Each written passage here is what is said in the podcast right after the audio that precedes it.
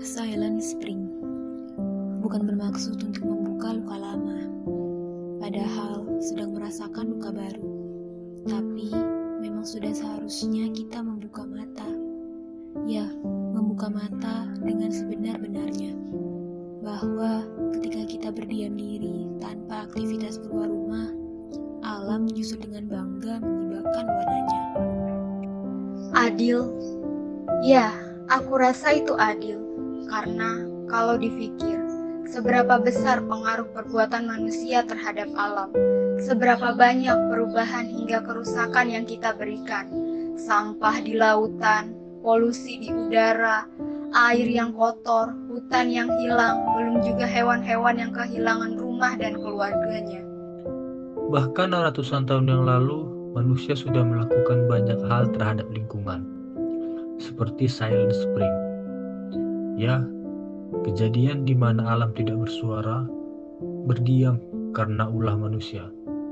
Di saat burung-burung harusnya berkicau di pagi hari, hewan-hewan beraktivitas secara alami.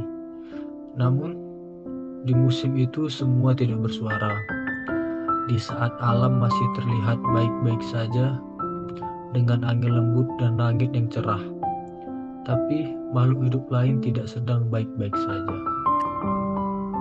Sekarang giliran kita yang diam, mengurangi aktivitas dan polusi udara di sekitar, mengurangi pembakaran karbon yang menghasilkan CO2, dan memberikan kesempatan alam untuk pulih, kembali bersih tanpa polusi.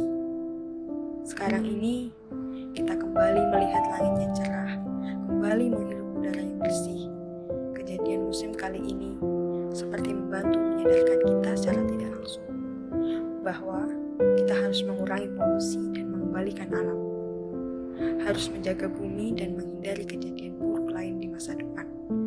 Dan merawat tempat tinggal kita satu-satunya. Sadar, bencana seperti ini bukan satu-satunya. Sadar bahwa perubahan iklim itu salah satunya. Sadar bahwa perubahan iklim itu juga nyata.